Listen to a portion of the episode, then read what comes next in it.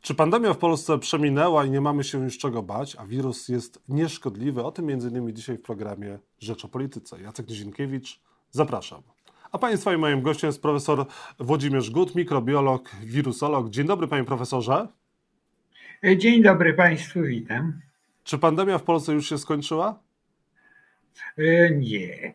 Pandemia jest e, dotąd, dopóki e, liczba zachorowań przewyższa na całym świecie sytuację sprzed ich wystąpienia. Po prostu mniej się w tej chwili mówi z innych powodów. Z jakich powodów, panie profesorze, mniej się mówi teraz o pandemii, bo można odnieść wrażenie takie, jakby ten wirus już ustąpił. Tym bardziej, że mimo, że choć liczba zakażeń nadal jest wysoka, to rząd zdecydował się znieść wszystkie obostrzenia sanitarne. E, sprawa obostrzeń to są dwa elementy. Pierwsze to, czy one były w końcu przestrzegane, czy nie, bo znaczna liczba osób i takich nie przestrzegała. E, drugi element to jest aktualna sytuacja, kiedy mamy dużą ruchliwość i duży zamęt wynikający z sytuacji, która politycznej, czyli mówiąc krótko, wojny na Ukrainie. Ja już sobie pokpiwam, że Putin powinien dostać Nagrodę Nobla w dziedzinie medycyny, bo skończył w ciągu jednego dnia pandemię. Mhm. No ale ta pandemia, jak pan mówi, nie skończyła się nam mimo wszystko od 28 marca wprowadzamy dwa rozwiązania. Pierwsze to zniesienie obowiązku noszenia maseczek, e, no a drugie to jest e, kwestie dotyczące no, innych też obostrzeń, co ogłosił minister Adam Niedzielski. Czy to jest słuszna decyzja, że maseczek nie musimy nosić, o tych innych obostrzeniach za chwilkę? Jeśli chodzi o maseczki, tak znaczna część populacji nie nosiła albo nosiła nieprawidłowo. E, osobiście jestem zwolennikiem e, w tym wypadku utrzymania, ale rozumiem, dlaczego taka decyzja zapadła. Czyli względy polityczne, tak? Pan uważa? Raczej względy polityczne.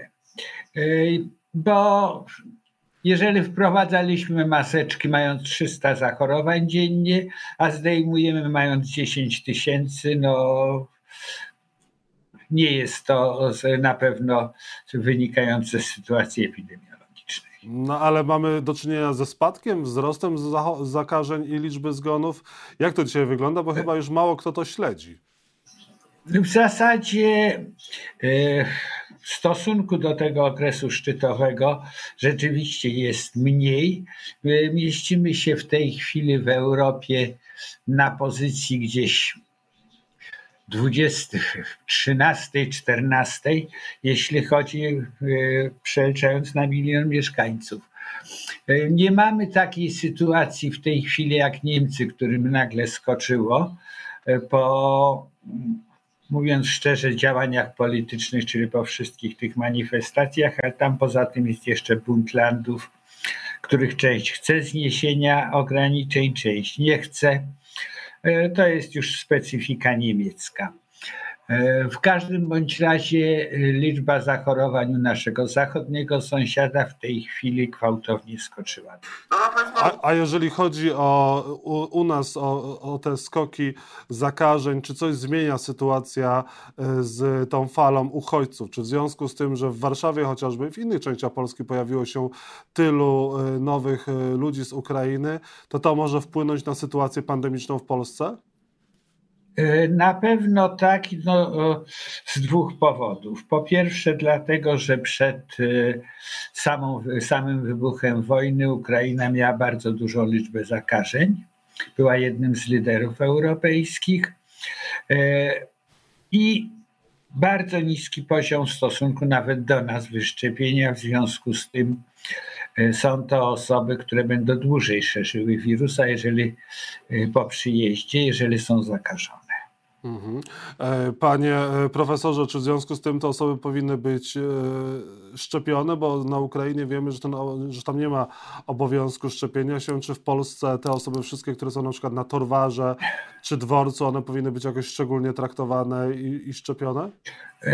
Szczepienie da reakcję najwcześniej za 2-3 tygodnie, a zakażenia, jeżeli będą, pojawiły się wcześniej to jest już problem do rozwiązania e, kompleksowego razem z całą służbą zdrowia, bo trzeba pamiętać, że to nie przyjechali ludzie e, w pełni fizycznie przy zdrowi, tylko część z nich przeszła określone zdarzenia, które obciążyły ich zdrowie i tutaj całość systemu medycznego musi być mocno e, sprężona może dojść do wzrostu zakażeń i liczby zgonów ze względu na COVID w Polsce?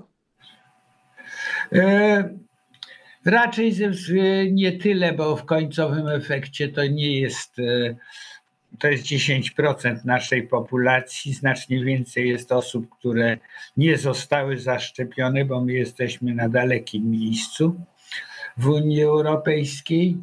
E, jeżeli chodzi o wyszczepialność populacji na COVID i trzymamy się twardo na tych 50 paru procentach, 59 chyba nawet w tej chwili jest, co jest dużo za mało i każde, każda aktywność, która się zacznie pojawiać, mówię o ruchliwości, kontaktach i tak dalej, przy nieprzestrzeganiu reguł, bo nie są przestrzegane, może w pewnym momencie spowodować wzrost. A pan się boi tego wzrostu w Polsce? Ja osobiście nie, ale jako e, wirusolog tak. Nie będzie też, e, o czym mówił e, minister Adam Niedzielski, kwarantanny i izolacji. Czy to dobrze? No w tym momencie e, puszczamy wirusa na luz, czyli e, osoba zakażona, nie mając izolacji, będzie roznosiła wirusa. E, a kontakty przekonamy się dopiero, kiedy zachorują i też nie będą objęte. Czy nowe szczepy wirusa e, pandemii COVID-u są możliwe? Czego możemy się spodziewać? Bo o tym też już Nowe szczepy będą. To, to jest pewnik. E, problem sprowadza się do tego, że jeśli sieć wychwytywania przypadków jest szczelna, to pojawiający się wariant jest eliminowany przez samą sieć, a wchodzą następne. E, ja nie przypisuję zbyt wielkiej wagi do konkretnego wariantu, nie zmienia się ani czas wylęgania choroby, bardziej jest regulowany przez szczepienia, ponieważ organizm przygotowany krócej wydala wirusa, e, bo Umówmy się od razu, szczepienie nie chroni przed zakażeniem. Przed zakażeniem chronią bariery fizyczne. Mhm. Ale przygotowuje organizm i pozwala skrócić okres wydalania wirusa. Stąd w wielu krajach skraca się okresy kwarantanny czy izolacji. Tam, gdzie jest wysoki odsetek zaszczepionych. Panie profesorze, od 1 kwietnia e, też zmienia się sytuacja z bezpłatnymi testami. E, na wykrycie COVID-a, bo wykonywać będzie można tylko te testy na zlecenie lekarza, a nie tak jak miało to miejsce dotychczas, na przykład w aptekach. Czy to dobrze? Liczba testów e, nigdy nie była w Polsce zbyt rewelacyjna, jeżeli chodzi o samo testowanie e, na milion mieszkańców, to my jesteśmy na dość dalekiej pozycji bo Irlandia wykonała na każdy milion e, ponad 2 e, miliony testów, e, podczas gdy my mieścimy się w, w zakresie 900 tysięcy. Mhm. No, panie profesorze, i na koniec, czy kolejne fale pandemii to jest coś, czego my powinniśmy się spodziewać już może, nie wiem, na jesieni albo nawet wcześniej? E, patrząc na sytuację w Niemczech, gdzie obserwuje się w tej chwili gwałtowny skok, a pamiętajmy, że granica nie jest zamknięta, a teraz masy ludzkie przemieszczają się we wszystkich kierunkach, możemy oczekiwać nawet wcześniej. Profesor Włodzimierz Gut był Państwa i moim gościem. Bardzo dziękuję za rozmowę, Panie Profesorze. Dziękuję. Kłaniam się.